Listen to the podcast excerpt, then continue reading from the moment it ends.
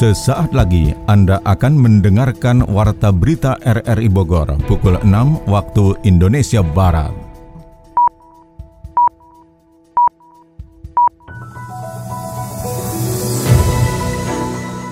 Selamat pagi, Saudara, kita bersua kembali lewat Warta Berita RRI Bogor, Senin 4 Oktober 2021. Siaran ini juga dapat Anda dengarkan melalui aplikasi RRI Play serta turut disiarkan Radio Tegar Beriman Kabupaten Bogor. Berikut kami sampaikan berita utama. Polsek Cilengsi Kabupaten Bogor mengamankan dua oknum yang mengaku wartawan yang diduga melakukan pemerasan. Modus operandinya jadi tersangka ini mengawasi dari beberapa korban, dan mengawasi, mencari celah-celah, mencari kesalahan dari beberapa korban. Arus lalu lintas di kawasan wisata Puncak Bogor kembali diwarnai serangkaian pelanggaran ganjil genap dan kecelakaan lalu lintas harapannya tidak terkena genap ganjil. Jadi mereka ganti-ganti plat nomor biar bisa lolos menuju ke puncak. Bersama saya Mukhlis Abdillah, inilah Warta Berita selengkapnya.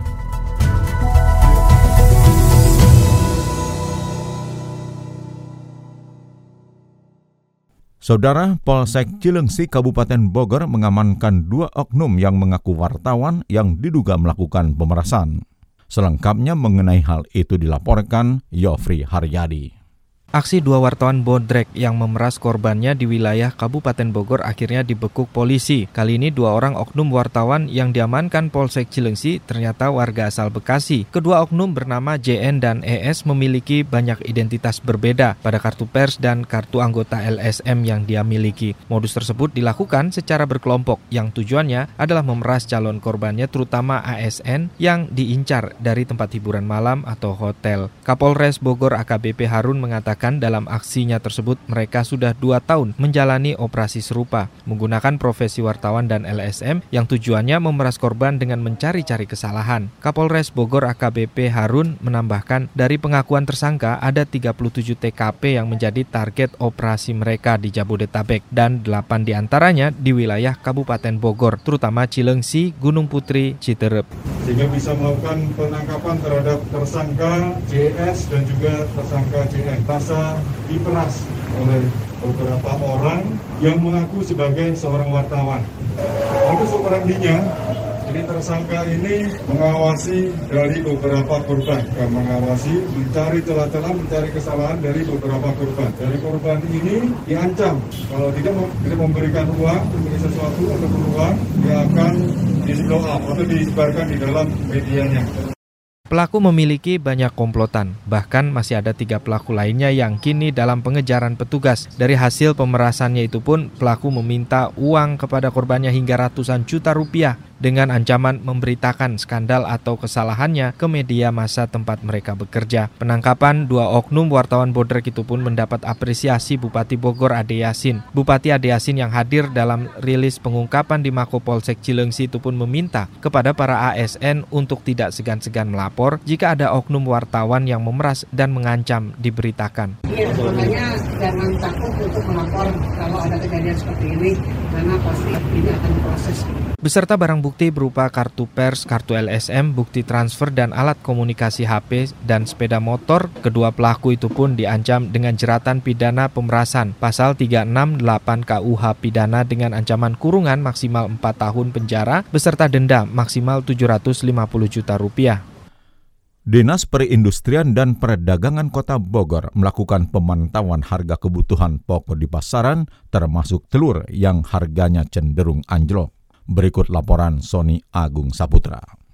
Saat ini harga telur di pasar tradisional Kota Bogor cenderung melemah. Bahkan beberapa hari ini harganya anjlok hingga sekitar Rp18.000 per kilogram. Salah seorang ibu rumah tangga di Bogor, Ratna mengemukakan, seharusnya pemerintah bisa menjaga stabilitas harga telur agar tidak terlalu terpuruk dan sebaliknya tidak terlalu melonjak. Kemudian juga bisa dipastikan barang tersebut layak konsumsi sehingga aman bagi konsumen. Sebagai konsumen ada kekhawatiran ya atau apa ada telur busuk atau telur palsu itu dengan harganya terlalu anjlok begitu. Pemerintah itu sebenarnya harus menjaga di mana harga mesti turun harga naik itu jadi bisa menstabilkan harga. Mau menghadapi Ramadan mau hari-hari biasa kita selaku ibu rumah tangga harus bisa mengatur istilah uang dapur lah untuk mencukupi kebutuhan rumah tangga. Terkait hal itu Dinas Perindustrian dan Perdagangan Kota Bogor pun melakukan pemantauan harga kebutuhan pokok di pasaran termasuk telur. Kepala Dinas Perindustrian dan Perdagangan Kota Bogor Ganjar Gunawan mengungkapkan untuk memberikan kepastian harga pihaknya selalu melakukan pengawasan fluktuasi harga sembako di pasaran. Harga sejumlah komoditi sembako termasuk telur menjadi salah satu yang diawasi agar tidak ada upaya menaik turunkan harga di luar kewajaran. Untuk itu pihaknya berupaya mengoptimalkan informasi harga sembako agar bisa ke tangan masyarakat terutama konsumen yang membutuhkan sembako. Selama ini Dinas Perdagangan itu kan bertugas salah satunya melakukan pemantauan harga bapokting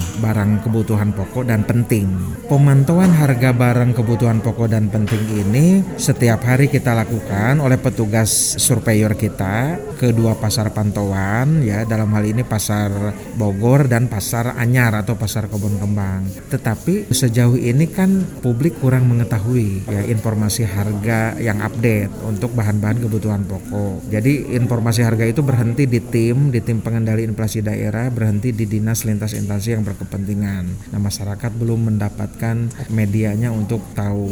Saat ini di Sperinda Kota Bogor juga memastikan agar barang kebutuhan pokok atau sembako tepat sasaran kepada konsumen sehingga tidak terjadi upaya penimbunan atau indikasi perdagangan barang tidak layak konsumsi. Pembelajaran tatap muka terbatas PTMT tahap 1 rencananya dimulai hari ini di 200 sekolah di Kota Bogor. Ratusan sekolah berbagai tingkatan telah dinyatakan lolos asesmen dan verifikasi faktual. Sebelumnya, pemerintah Kota Bogor bersama pihak terkait sudah melakukan rapat koordinasi termasuk dengan wali kota dan wakil wali kota Bogor serta Forkopimda.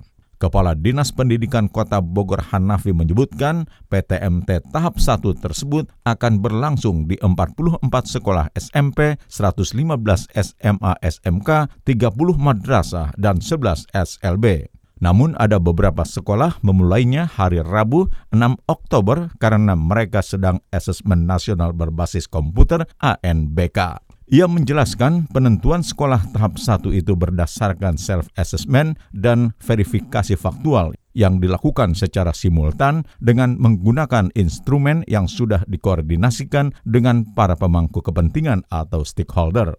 Pelaksanaan PTMT tahap 2 akan dilaksanakan setelah ada evaluasi PTMT tahap pertama.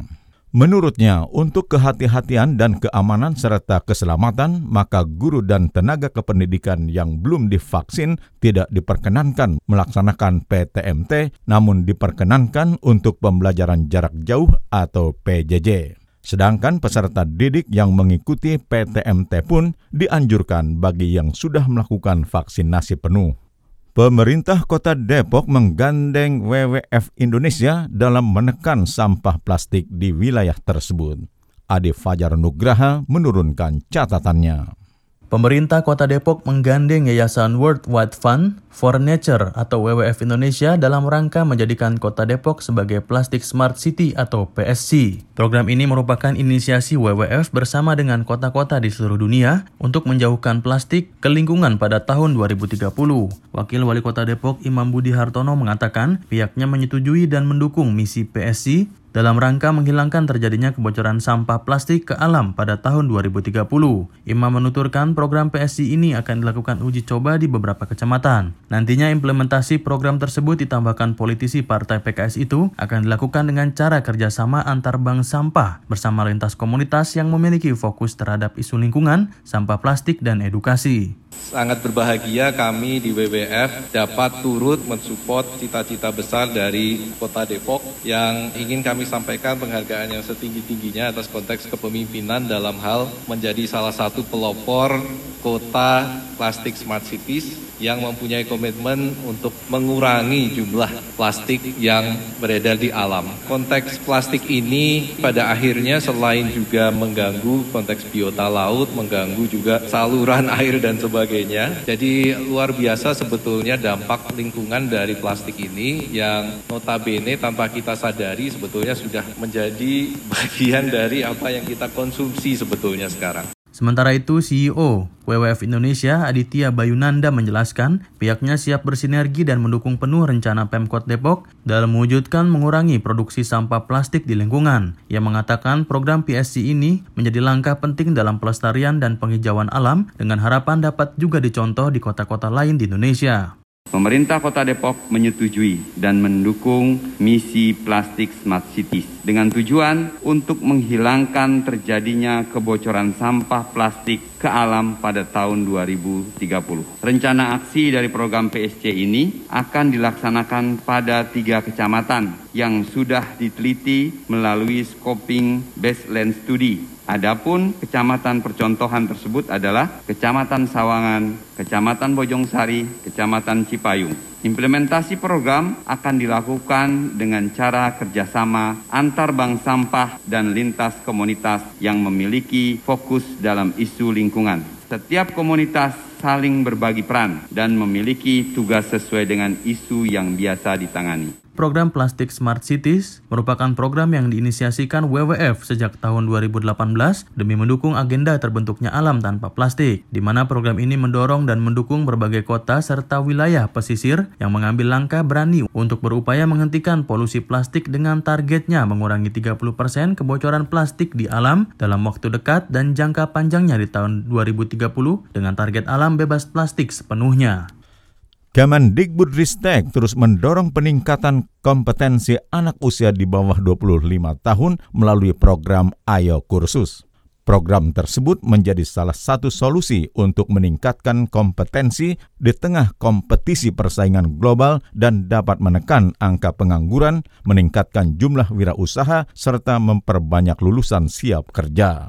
Sekretaris Ditjen Pendidikan Vokasi Waratanto menuturkan program Ayo Kursus mendorong anak-anak melakukan reskilling dan upskilling, ditingkatkan kompetensinya, diberi keterampilan baru yang sesuai dengan kebutuhan dunia usaha dan dunia industri. Ia berharap peserta program Ayo Kursus bisa mendapatkan kompetensi baru sekaligus meningkatkan kompetensinya sehingga dapat lebih terserap ke dunia usaha dan dunia industri tidak hanya menempatkan mereka sekedar jadi pekerja tetapi bisa dibimbing agar bisa berwirausaha. Saudara Anda tengah mendengarkan Warta Berita dari Radio Republik Indonesia Bogor. Arus lalu lintas di kawasan wisata puncak kembali diwarnai serangkaian pelanggaran ganjil genap dan kecelakaan lalu lintas. Kita simak catatan Yofri Haryadi. Arus lalu lintas di kawasan wisata Puncak Bogor kembali diwarnai serangkaian pelanggaran ganjil genap dan kecelakaan. Pelanggaran ganjil genap dapat diketahui petugas saat dilakukan pemeriksaan di lapangan dan ternyata tidak sedikit petugas menemukan ada kendaraan yang diganti nomor polisinya oleh pemilik agar dapat melintas di jalur Puncak Bogor. Seperti diungkapkan KBU Lantas Polres Bogor Ibtu Ketut Laswaryana, ada aplikasi milik polisi yang cepat mengidentifikasi nomor plat kendaraan dengan fisik kendaraan kendaraannya. Dan dari sinilah petugas akan memberikan tindakan kepada pemilik atau pengguna kendaraan tersebut. Tindakan yang diberikan berupa sanksi tilang dan jika ditemukan adanya pidana maka akan diproses lebih lanjut. Anggota itu melihat kendaraan Pajero, terlihat di situ ada plat nomornya yang mencurigakan sehingga kita cek di aplikasi ternyata kendaraan tersebut plat nomor tersebut adalah untuk Innova. Makanya kita berhentikan, kita periksa dan ternyata benar. Masyarakat tersebut mengganti plat nomor harapannya tidak tidak terkena genap ganjil. Jadi mereka ganti-ganti plat nomor biar bisa lolos menuju ke puncak. Namun kami dari Satlantas Polres Bogor tetap jeli sehingga ada beberapa kendaraan uh, yang melakukan itu kita tangkap, kita periksa. Selain memalsukan atau memanipulasi agar dapat melewati pemeriksaan petugas menuju puncak Bogor, kelalaian dari pengguna jalan pun terjadi pada minggu dini hari di depan Hotel Parama, Cisarua, Puncak Bogor. Terjadi tabrakan beruntun rombongan sepeda motor dari arah Ciawi menuju Cisarua yang mengakibatkan sebuah sedan mewah BMW dari arah sebaliknya kehilangan kendali dan terlibat dalam tabrakan tersebut. Kanit Lakalantas Polres Bogor Ibtu Angga mengatakan pihaknya sudah mendapat laporan dan sulit untuk mengumpulkan saksi di lapangan lantaran peristiwa terjadi pada dini hari. Luka ringan aja, ya ada luka berat beberapa orang gitu. Tapi nggak ini sih, udah dalam pengenangan ini, udah normal dua arah. Kejadiannya pagi itu, tapi udah aman. Nah itu masih di ini, soalnya saksi-saksinya agak sulit di ini nih. Tidak ada korban jiwa dalam kejadian tersebut, namun ada delapan orang yang terlibat kecelakaan sempat dilarikan ke Rumah Sakit Paru Dr. Parto Widikdo Cisarua Bogor. Sebagian pihak yang terlibat kecelakaan sudah kembali pulang, namun mobil mewah dan motor yang rusak diamankan unit Laka Ciawi Bogor. Dari dunia ekonomi dilaporkan modal asing terus mengalir ke Indonesia. Catatan selengkapnya disampaikan Ade Fajar Nugraha. Aliran modal asing terus mengalir masuk ke Indonesia. Kementerian Investasi Badan Koordinasi Penanaman Modal BKPM menyebutkan pada semester 1 2021 realisasi investasi tercatat sebesar 442,7 triliun rupiah. Menteri Investasi Kepala BKPM Bahlil Lahadalia mengungkapkan jika Singapura merupakan negara yang paling banyak mengucurkan modalnya ke Indonesia. Ada sekitar 4,7 miliar US dollar yang digelontorkan Singapura. Lalu Hong Kong realisasi investasinya mencapai mencapai 2,3 miliar US dollar dan Cina sebanyak 1,7 miliar US dollar. Bahlil menjelaskan, ada juga aliran investasi dari Belanda yang saat ini menjadi hub di Eropa. Sebanyak 1,3 miliar US dollar sudah masuk dari Belanda untuk investasi di Indonesia. Selain itu, Jepang dan Korea Selatan sedang bersaing dalam berinvestasi di Indonesia. Korsel kini berada di posisi kelima dengan nilai investasi 1,1 miliar US dollar. Lalu Jepang posisi keenam dengan investasi 1 miliar US dollar. Menurutnya, Indonesia tidak pernah membeda-bedakan negara yang mana menyuntikkan investasi ke Nusantara.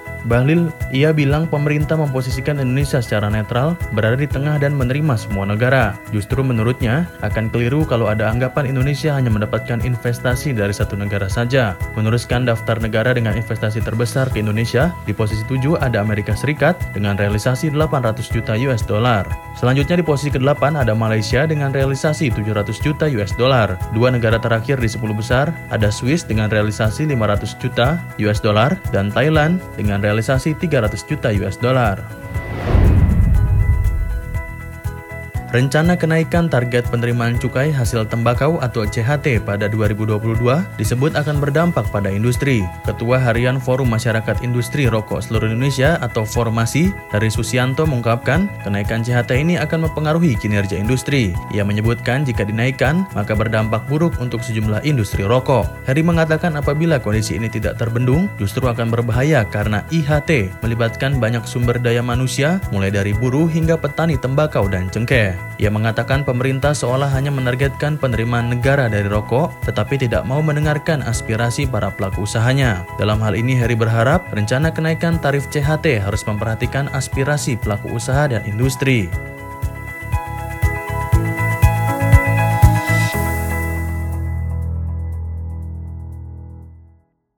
Pemuda Bogor harus mempunyai ciri khas dan daya saing usaha, salah satunya di bidang industri kopi. Berikut catatan Sony Agung Saputra. Pemuda Bogor terlibat langsung dalam upaya pemulihan ekonomi lewat penyelenggaraan Bogor Coffee Expo 2021 di sebuah mall di kawasan Tajur, Bogor Timur. Hari kedua Bogor Coffee Expo menghadirkan perbincangan bersama sejumlah pemilik kopi di Bogor. Salah seorang pemilik kedai kopi, Ricardo Hermes Bartolone mengapresiasi penyelenggaraan kegiatan tersebut di mana para pelaku usaha kopi bisa berkumpul dan berkolaborasi. Saya sangat mengapresiasi kegiatan Bogor Coffee Expo 2021 di mana para pelaku usaha kopi bisa berkumpul dan berkolaborasi. Saya berharap ke depannya kegiatan ini bisa menjadi kegiatan rutin dan besar agar ini bisa menjadi imun ekonomi untuk para pelaku usaha khususnya di bidang perkopian. Sementara itu Ketua Panitia Andri Simorangkir mengungkapkan pemuda Bogor harus mempunyai ciri khas dan daya saing usaha salah satunya lewat Bogor Coffee Expo Expo sebagai salah satu upaya pemulihan ekonomi. Pemulihan ekonomi bagi mereka bukan dari usaha kedai kopi saja tetapi dari industri kopi dan sajian kopinya yang bisa memberikan ciri khas sekaligus bersaing dengan daerah lainnya. Hari kedua Bogor Coffee Expo yaitu yang pertama itu perlombaan barista dan memilih enam orang menjadi finalis yang kedua, kemarin ada talk show dari Kepala Dinas Pariwisata dan Kebudayaan Pak Atep Budiman dan Ricardo Hermes Batololone selaku owner Kopi Hara dan salah satu pegiat kopi latte art. Pemulihan ekonomi bagi kami bukan dari usaha kedai kopi saja, tapi dari industri kopinya. Sajian kopinya yang Bogor bisa memberikan ciri khas dan bersaing kepada wilayah lainnya. Sementara itu, Ketua KNPI Kota Bogor, Sabta Bella menilai Bogor Coffee Expo merupakan salah satu upaya menyalurkan inovasi dan kreasi pemuda sehingga bisa menjadi bagian dalam pemulihan ekonomi Kota Bogor di tengah pandemi COVID-19. Target vaksinasi COVID-19 untuk sedikitnya 40 persen warga Kabupaten Bogor terus dilakukan secara masif. Bahkan di wilayah perbatasan seperti di Kecamatan Sukamakmur yang berbatasan dengan Kecamatan Cipanas Kabupaten Cianjur. Kecamatan tersebut diberi target vaksinasi COVID-19 bagi 85 ribu warganya. Namun hingga saat ini baru 13 ribu yang sudah divaksin. Kepala Puskesmas Sukamakmur Dr. Linda Lia menyebutkan pihaknya diberi target Bupati Bogor sebanyak 47 ribu warga Kecamatan Sukamakmur sudah harus divaksin hingga 9 Oktober mendatang. Gitu. Sebenarnya kita saat ini menghitung 47 ribu dari target yang diberikan oleh Bupati, ya sekitar 47 ribu. Nah kami sudah mencapai 13 ribuan, ya jadi kurang lebih 29 persen lah kalau dihitung-hitung dosis satunya. Gitu. Ya itu seharusnya sih sampai 9 Oktober ya hitung-hitungannya. Gitu ya makanya ini sedang diusahakan kita hanya fokus di desa ya tapi Sukamakmur melaksanakan dua tempat minimal setiap hari satu di puskesmas satu di desa desanya bergilir gitu nah untuk hari Senin nanti tiga lokasi kita di sekolah di puskesmas dan di desa dari prosentase warga Sukamakmur yang sudah divaksin baru 29 persen. Targetnya dalam satu hari dilakukan dua kali kegiatan vaksin di sekolah dan kantor desa secara bergantian. Bahkan setiap hari Senin, pelaksanaan vaksinasi COVID-19 dilakukan di tiga tempat berbeda untuk mengejar target vaksinasi baik dosis 1 dan 2. Dari dunia olahraga dilaporkan kontingen DKI Jakarta kejar-kejaran dengan tuan rumah Papua dalam raihan medali PON 20 disusul kontingen Jawa Barat. Catatan olahraga tersebut selengkapnya disampaikan Ermelinda.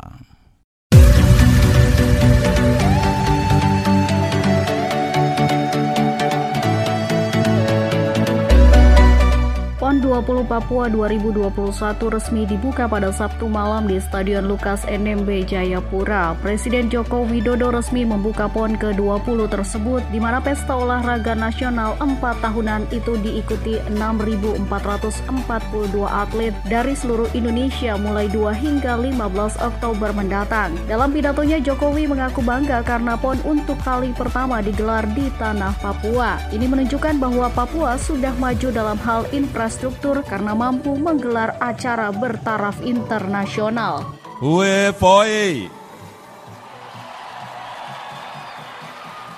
Onomi remai Wah, wah, wah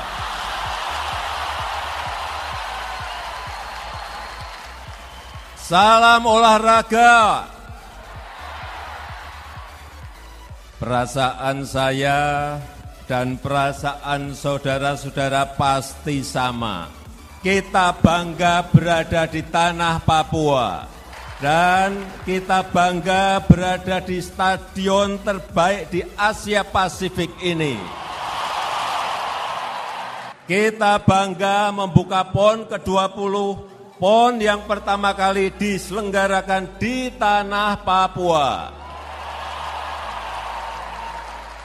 Pekan olahraga ini menggambarkan kemajuan Papua, menunjukkan kesiapan infrastruktur di tanah Papua dan kesiapan masyarakat Papua dalam menyelenggarakan acara besar untuk berprestasi di kancah nasional dan internasional. PON ini juga punya makna besar bagi seluruh masyarakat Indonesia. PON ini adalah panggung persatuan, panggung kebersamaan, panggung persaudaraan. PON ini adalah panggung kesetaraan dan panggung keadilan. Untuk maju bersama, sejahtera bersama dalam bingkai negara kesatuan Republik Indonesia. Presiden Jokowi juga meresmikan venue Pekan Olahraga Nasional PON 20 Papua. Ia berharap agar berbagai arena tempat berlangsungnya PON terus dirawat meski event olahraga nasional tersebut sudah berakhir. Sementara itu Ketua KONI Kota Bogor Beninu Argobi juga senada dengan Presiden. Ini bukan tanpa alasan karena selama ini banyak venue yang dibangun untuk pelaksanaan PON yang pada akhirnya kurang dimanfaatkan setelah pesta olahraga empat tahunan tersebut berakhir.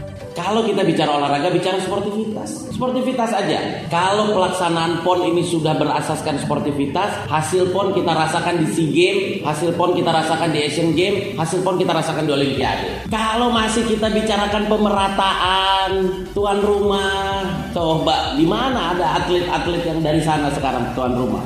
Banyak-banyaknya dari mana atletnya datangnya? Yang paling sedih lagi, habis itu sarana prasarana yang dilakukan, yang dibangun sekarang untuk PON, habis ini siapa yang mau kelola, siapa yang mau jalanin, siapa yang mau bertanding. Sekarang saya mau tanya, besok siapa yang mau latihan ke Papua? Berapa ratus itu miliar yang dilaksanakan? Besok rencana Aceh dan Sumut yang akan datang. Lebih baik kalau buat pembinaan kan lebih kerasa buat atletnya. Ada tujuh venue PON 20 yang diresmikan oleh Presiden Jokowi yaitu Arena Aquatic, Arena Panahan yang berada di Istora Papua Bangkit, kemudian Arena Kriket dan Arena Hoki Outdoor maupun Indoor di Doyo Baru, Kabupaten Jayapura. Selanjutnya Arena Sepatu Roda di Bumi Perkemahan Waena Kota Jayapura dan Arena Dayung di Teluk Kyoe Teva Kota Jayapura.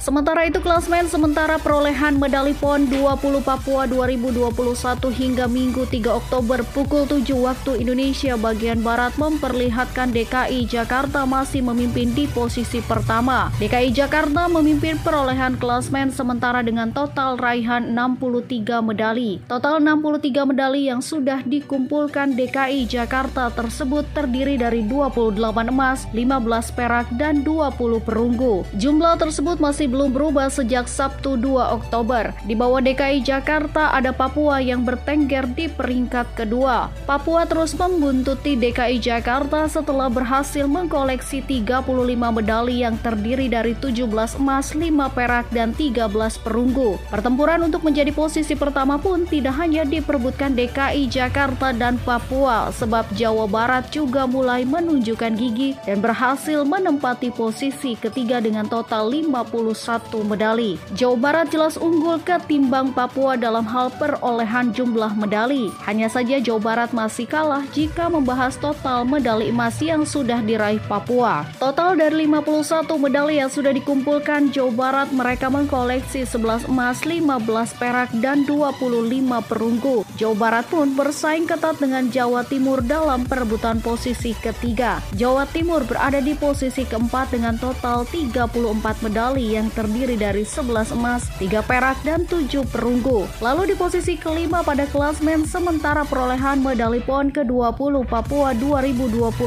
dikuasai oleh Bali. Bali berada di peringkat kelima setelah berhasil mengumpulkan total 17 medali yang terdiri dari 7 emas, 3 perak, dan 7 perunggu.